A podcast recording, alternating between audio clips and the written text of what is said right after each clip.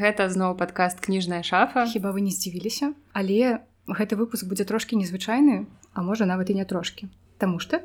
Таму што сёння мы не адны і акрамя таго што побач з намі Настася што бывае нечаста. Прывітанне. У нас ёсць яшчэ адзін госць і гэта нават не Сергей матырка. Якога вы чакаеце ў нашым падкасці? Жанчына царквы як вы ведаеце. Сёння ў нас у гасцях часовы павераны Ізраіля ў Беларусі, якога завуць Цвіміркін і гэта, гэта так першы такі можна сказаць салідны госць у нашым падкасці. Але я маю надзею, што не апошні. Мы так можа быць мы запусцім хвалю хвалю важных гасцей у падкасці таму калі вы важны госць які слухае наш падкаст калі ласка мы чакаем. Заяўкі прымаюцца так? Кастамановую Таму сёння мы мабыць будзем трошкі больш хвалявацца але побач з намі такі прыемны госць які мне здаецца ужо паслухаўшы яго ў розных іншых месцах мы думаем што ўсё атрымаецца вельмі добра Ну, таксама маю надзею. І гэты падкаст не запланаваны ў тым плане што мы самі не ведаем што зараз будзе. І гэта такая чыстая імправізацыя чыстая творчасць. І вось што ў нас гэтага выйдзе паглядзецца што для пачатку трэба расказаць адкуль як мы пазнаёміліся што стала і, і чаму гэта адбываецца зараз так. да. Рэч у тым, што ў гэтым годзе у выдавецтве Лохвінаў выйшла кніга ўжо можна сказаць класіка ізраільскай літаратуры Маіра Шалева. Кніга якая называецца за сіняй гарой у перакладзе Павла Касцюкевіча і вось менавіта ізраільская амбасада мела дачыненне да выдання гэтай кнігі. І таму мы гэтая кніга прадаецца ў нас у кніжнай шафе можна сказаць паспяхова. чуць ужо так. добрае слово пра яе таму што мы прачыталі абедзве нават абмяркоўвалі гэта ў насціным падкасці. Так І таму сёння хацелася б пагаварыць пра гэтую кнігу з чалавекам, які мае непасрэднае дачыненне да з'яўлення гэтай кнігі. таксама пачуць вось вы пачулі ад нас у падкасці такую гісторыю пра, пра саму кнігу, пра што яна. А цяпер такая важная частка, якая застаецца па-за увагай, гэта тое, як кніга ўзнікла. Вось, нам бы хацелася, каб вы расказалі ўвогуле, адкуль узялася ідэя, чаму менавіта гэтая кніга, таксама ведаю што вы былі знаёмы асабіста з аўтарам вось можа быць вы пра гэта таксама нам раскажце Ну ідэя была вельмі простая. Пачатка я планаваў рэпрэзентаваць ізраільскую літаратуру ў беларусі. Uh -huh. я знал што сучасная іврыцкая літаратура амаль не была перекладана на беларускую мову а было некалькі маленькіх кніг але я хацеў папрацаваць з чым-то сур'ёзным і гэта адзін з маіх любімых раманаў. Шалев таксама адна з найважнейшых фігур у сучаснай юрыцкай літаратуры. Цы мы размаўляем пра важнасць шалева вельмі важна казаць што ён быў з вельмі цікавага пакалення ізраільскіх пісьменнікаў. Першае пакаленне сучаснай юрыцкай літаратуры большства пісьменнікаў для іх іўрыт не быў родной мовай іх родной мовай была. Ідзеш польская мова руская яны вывучалі. Еўрей у еўрэйскіх школах у мястэчках шалев нарадзіўся у 48 годзе ён быў з першага пакалення ізраільскіх пісьменнікаў якія нарадзілись в Ізраіле і для якіх іўрыт быў першай мовай mm -hmm. і гэта іншая літаратура не як літаратура тых хто быў перад ім і адзін асабісты пункт і это не першы раз калі я працаваў з шалевам калі я працаваў ужо 12 гадоў таму у ізраільскай амбасадзе у, Маскве. Я арганізаваў прыезд шалева ў Маскву і чатыры дні працаваў з ім. І пасля таго калі я працаваў у амбасадзе Ізраіля ў Латвіі я прыдумал і арганізаваў праект першы пераклад шалева на латышскую мову іншую кнігу але это быў першы пераклад шалева на латышскую мову. І тут для мяне не было пытаннем якога пісьменніка перакладаць а пасля таго я сустрэцаўся з кастюкевичем і ён дапаведал што вельмі хоча перакладаць гэту кнігу. Не было больш пытання мы вырашылі што працуем з гэтай кнігай. А вы гаварылі пра гэта самому аўтару што вось пачынаецца праца? Ужо нет і сам аўтар памёр три месяца таму. Mm -hmm. і вельмі важна гэта першае выдаванне шалева пасмертнае. Я ведаю што ён паспеў пабачыць абложку кнігі. Mm -hmm. але сама кніга выйшла ўжо пасля яго смерці так мы разумеем што гэта ўвогуле першае выданне твораў шалева па-беларуску. Так. Можа быть вы ведаеце вось менавіта гэты роман паколькі ён адзін з самых вядомых у аўтара на якую мову беларуска якой паліку мовай стала перакладу? Ці я помню правильно беларуская это 18 мова на якую был перекладан гэтай роман Ну, атрымліваецца даволі папулярны твор які сапраўды перакладаўся на шмат якія мовы і цяпер цяпер маем і па-беларуску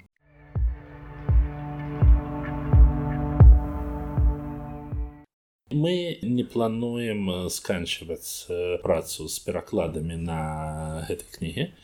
ёсць яшчэ планы. Я э, зараз не буду гаварыць, што мы плануем, але магу толькі казаць, што будзе цікава. Ну пасля шалева мы, мы уже не сумняваемся. Але гэта будзе іншы жанр будзе цікава я вельмі рэкамендую чытаць навіны mm -hmm. Ну і агульна адзін з маіх планов я бы хацеў прэзентаваць сучасную ізраільскую культуру беларуска-моўным мы плануем серыю івентаў па-беларуску пра ізраільскую культуру і я маю надзею што гэта выдаванне шалева гэта толькі пачатак будзе яшчэ і як я казаў будзе будзе цікава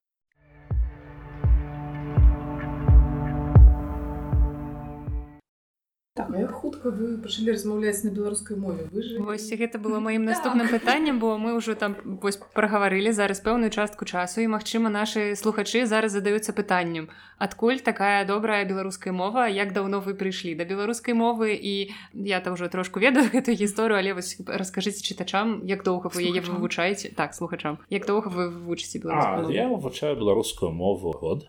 Я пачаў вывучаць мову калі я прыехаў у Беларус у ліпені 22 года.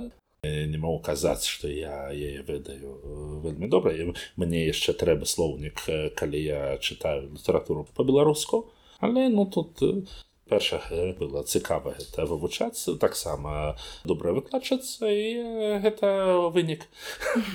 А ці можаце вы падзяліцца што вы ўжо чыталі з беларускай літаратуры альбо з таго што было перакладзена на беларускую мову? Ну, я і чытал... што ўразіла? Ну, першы беларускі пісьменнік для мяне гэта караткевич я э, чытаў я яго першы раз шмат адоў таму яшчэ у перакладзе на рускую мову цяпер я магу са слоўнікам ну, да, по-беларуску это вельмі непростая мова. Я чытаў по-беларуску богдановича. Я чытаў янку купалу. І ну я таксама я не толькі дыпламат я думаю у меня есть другая прафесія я перакладчык я спрабаваў перекладаць на юрыт брадуліна пераклад з'явіўся ў маём фейсбуку фейсбуку пасольства я перекладаў каверню. Ну ёсць некалькі перакладаў але адзін магу рэпрэзентаваць публічна гэта пераклад каверні барадуліна. Ну, вось не не здаецца што ну гэта не дакранаецца да наших слухачоў што не кожны беларус можа пахваліцца таким добрым ну, гэта узроўнем. так. Так узроўнем ведаў пра беларускую літаратуру. Насамрэч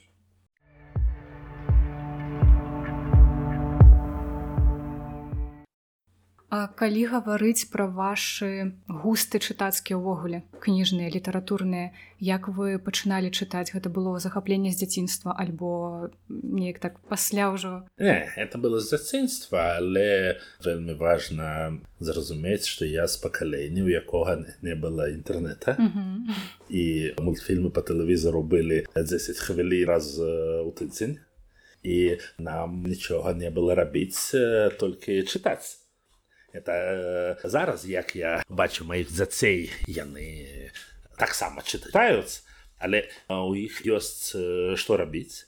І таксама для нас чытанне было адным істочнікам інфармацыі. Mm -hmm. я не хочу казаць што ўсы тады чыталі але так пачаў чытаць зацінства Ну тады было менш іншых спакусаў Мне здаецца ў нашым дзяцінстве таксама ўсё пачыналася вельмі добра не было інтэрнэту не было асабліва бацькоў калі у бацькоў добрая бібліятэка ці яны самі чытаюць Мне здаецца што і дзеці таксама Ну я таксама з пакалення якое яшчэ было без інтэрнэта а потым здарыўся інтэрнэт Вось але ж у маіх бацькоў была добрая бібліятэка дзякуй ну бібліятэка цяпер гэта іншая справа. Там у маіх бацькоў была добрая і вялікая бібліятэка.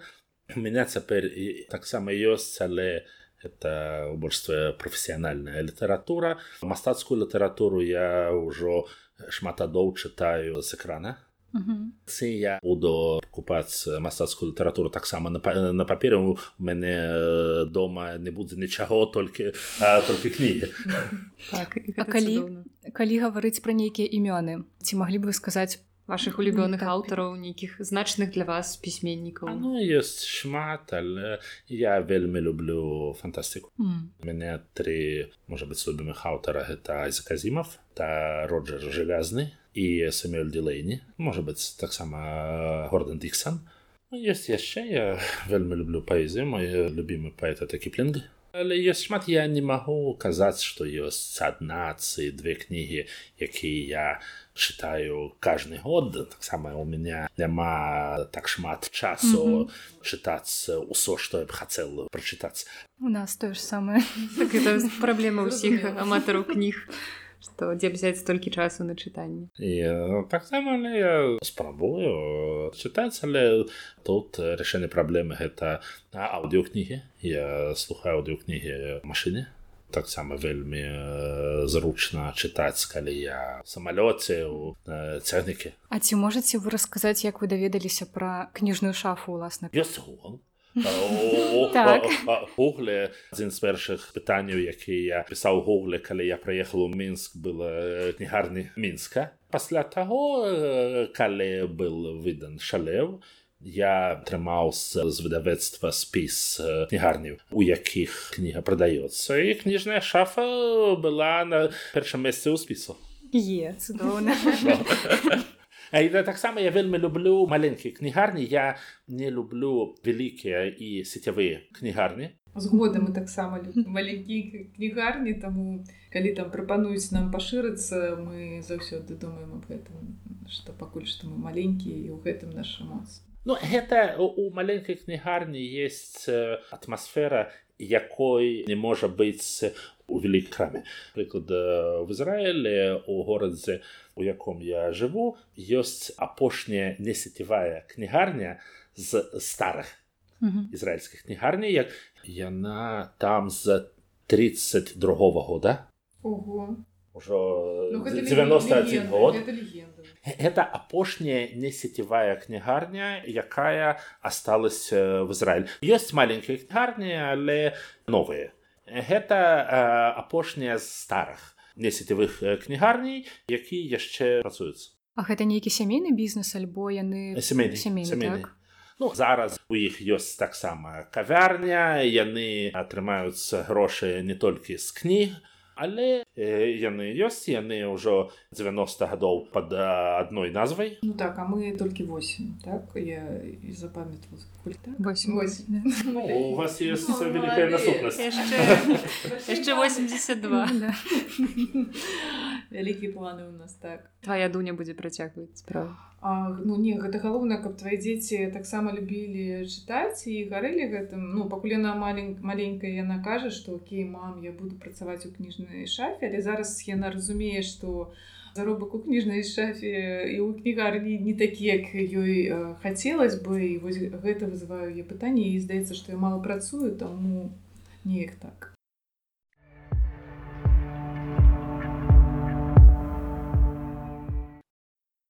А вось якіх сучасных ізраільскіх аўтараў вы маглі б парэкамендаваць э, беларускаму чытачу? Тому што ў нас у прынцыпе з такіх імёнаў якія якія мы ведаем гэта эдгар керет тому што ён перакладаўся на беларускую мову. Мы ведаем узівайле таму што ён таксама перакладаўся. А вось а што б вы маглі? Мачыма што ёсць у рускіх перакладах каб беларускі ну, шалев які был перакладан амаль амаль усе яго кнігі былі перакладаны на рускую мову. Ёсць таксама амосоз это можа быць Оз і Шалев гэта два найважнейшых пісьменніка з гэтага пакалення. Кэрет ужо з больш маладых. Был таксама Эфраім Кішон, яго перакладалі на рускую мову але большинство перакладаў амаль усе яго кнігі ёсць на ангельскай мове.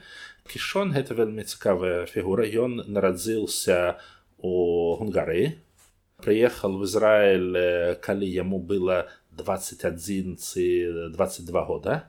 І шмат часа не мог вывучыць іўрыт і ён казаў сабе што ён вывучыць іўрыт і будзе вядомым ізраільскім пісьменнікам і ён стаў найвядомейшым ізраільскім сатирикам у яго был вельмі добрый вельмі моцны сэнс гумара ён памёр 15 гадоў таму плюс-мінус але таксама ён найлепшай сатырик які пісаў на юрыце ён таксама пісаў сцэнарыі для фільмаў ён таксама был перекладан на шмат моў так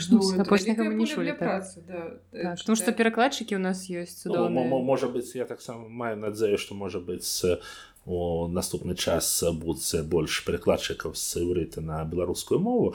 Цяпер у беларусі ёсць толькі адзін можа быць будзе больш і яны смогуць таксама перакладаць больш кнігі. Я асабіста буду вельмі рады бачыць ізраільскую літаратуру перакладаную на беларускую мову І гэта для нашых слухачоў проста ідэя калі вы думаеце якую мову вучыць.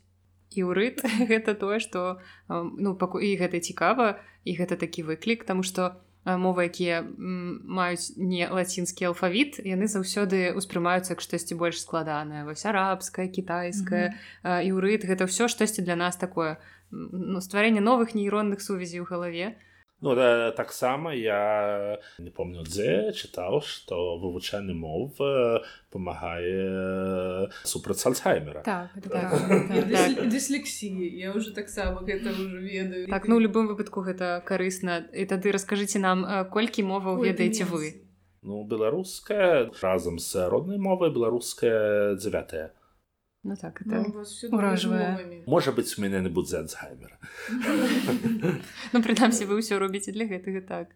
Для максімум так.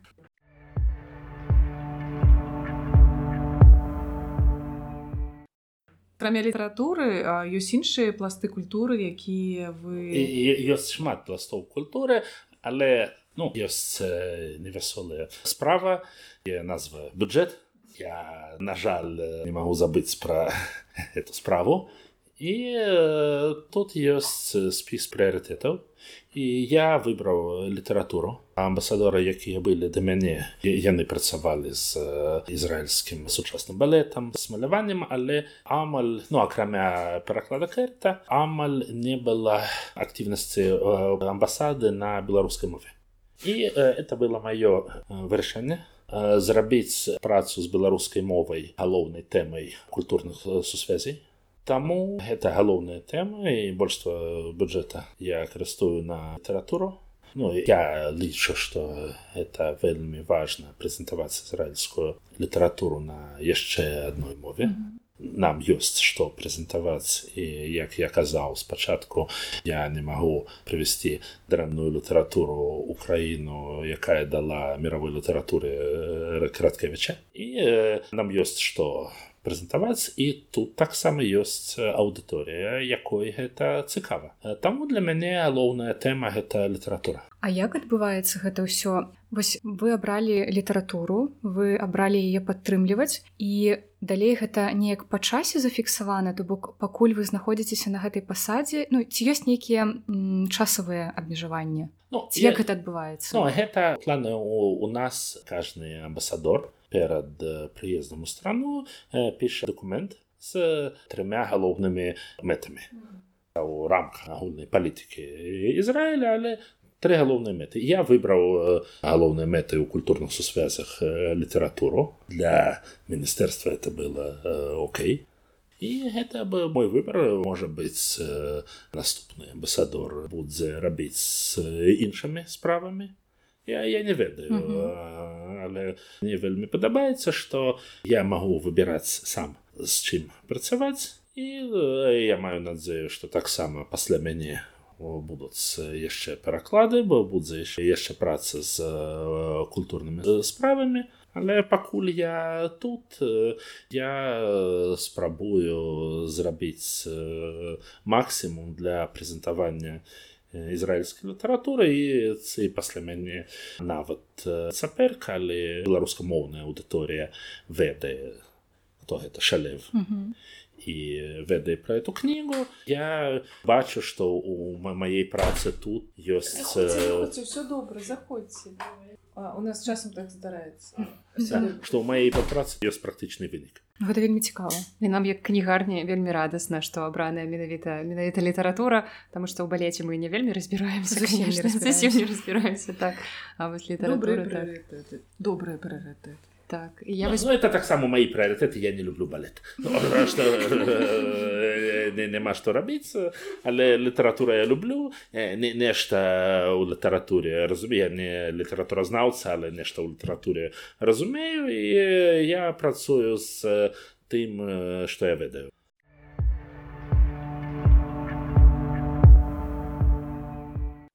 Я чытала невялікую колькасць ізраільскіх аўтараў, але ўсе аўтары, якіх я чытала, іх творы былі вельмі аптымістычныя. Той жа керы на кожнай старонцы можна смяяцца. Нават калі ён піша пра нейкія сур'ёзныя рэчы, калі чалавек расказвае пра то, як яны спускаліся ў бамбасховішчы ці шалеў той жа гэта ўсё вельмі з гумарам і вось мне цікава гэта нейкая такая рыса характару магчыма асаблівасці нейкі нацыянальнага характару што людзі якія жывуць у такой як бы на, на такой тэрыторыі не самыя спакойныя месцы і можа быць гумар гэта для іх сродак неяк так збягаць ад рэчаіснасці часам. Можа быць таксама не ўсе. Напрыклад амосоз а про якого я вже казав, і ён быў вельмі песімістычны там та, там вельмі цяжка знайсці які гумар так. але можа быць вы правы ёсць ізраільскі гумар як рэакцыя на сітуацыю якой Ізраиль жыве Але шалев агульна сэнс умара шалева гэта легенда я яшчэ я помню яго артыкулы ў газетах таксама я был быў вельмі асаблівы сэнс умара і таксама ён быў не толькі пісьменнікам у яго быў шмат гадоў. Была калонка в адной з галоўных ізраільскіх газет. У большинства ізраільскіх пісьменнікаў ёсць недраны гумар але шалев ён асаблівы. Таму мы зараз раем гэтую кнігу бо апошнім часам людзі звяртаюцца да нас з запытам што-небудзь пазітыўнае пачытаць і вось шалеў наша навінка ён зараз так выдатна под гэта падыходзіць. Это таксама пазітыўна таксама гэта ну, это вельмі папулярны ўжо вельмі шмат адоў жанр. Это сямейная сага. Ён піша пра тры пакалення адной сям'і. І гэта таксама ён піша пра сучасную гісторыю Ізраіля праз прызму гумара. І таксама гісторыя гэтай сям'і гэта гісторыя тыпічнай сям'і, якая будавала такія сем'і будавалі сучасны Ізраіль, але ён піша пра гэта без пафаса і з праз прызму гумара.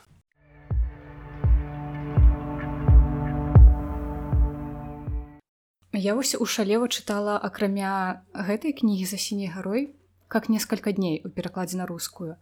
І пасля прачытання мне склалася такое ўражанне, што гэта нібыта дзве часткі аднаго вялікага тэксту. Яны мне падаліся чымсьці сугучнымі падобнымі. Вось нейкі такі магічны рэалізм, калі казаць вельмі коротко. І ці шалеў гэта прадстаўнік вось такога асобнага жанру, у ізраільскай літаратуры як прадстаўнік вось гэтага магічнага рэалізму ці ёсць нешта падобнае это не толькі магічны рэалізм аснова шлева ну аснова ізраільскай літаратуры і іўрыт это мова бібліі ёсць разнасць праз сучасным іўрытам і іўрытам бібліі але гэта адна мова. Ну, напрыклад маі дзеці у якіх іврит родная мова.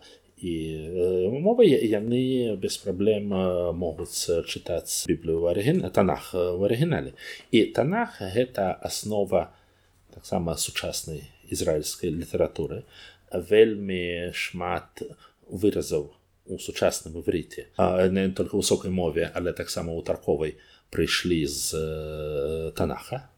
І танах гэта аснова для шале, шалева танах гэта аснова вельмі важно таксама казаць что першая кніга шалева была танах для дзяцей ён перекладаў танах на мову якую могуць разумець дзеці і выдаў ну я б казаў сучасны выгляд на танах але шалев быў прадстаўнікам эпічнай літаратуры это як танах танах это okay, это вельмі важная рэлігійная кніга але танах для нас так это нацыянальны эпос як ілеада для грэкаў як песня небелунгах для немцаў як калівала для фінаў у нас это танах і для шалева танах это аснова і усе яго кнігі як ну як некалькі дней это кніга пра жизнь пра каханне але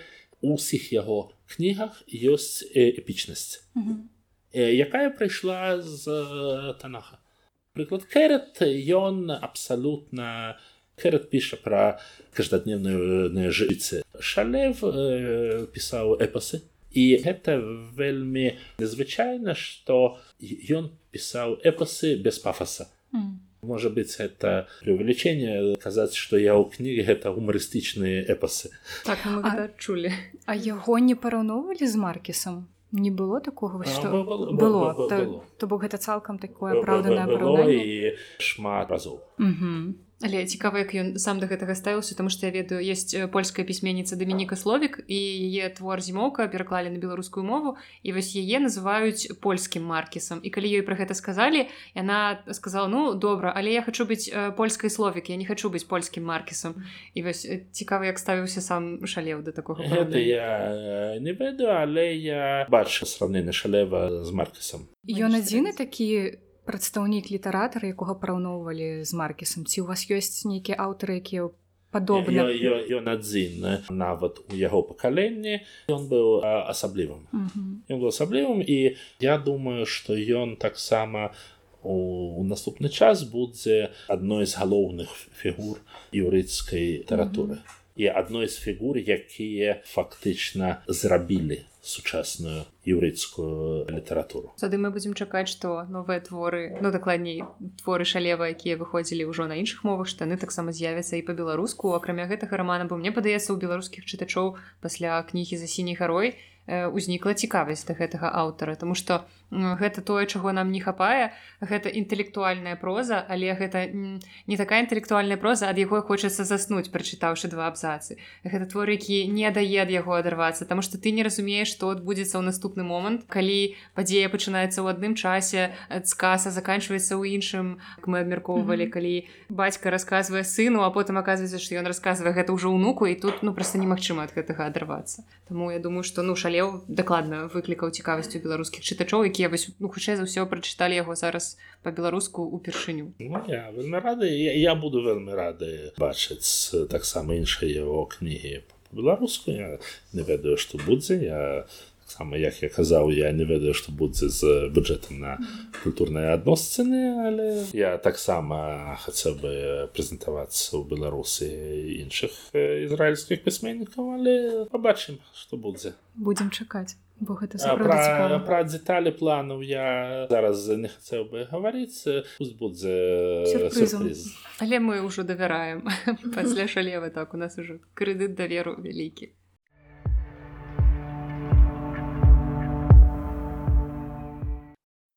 Ну вось такі у нас атрымаўся выпуск. Што вы думаеце на гэты конт можете пісаць? Нам у каментары можете дасылаць паведамленні все што вам захочацца сказаць. Можа быть вы хочаце сказаць штосьці нашим слухачам ну я наведвальнікам?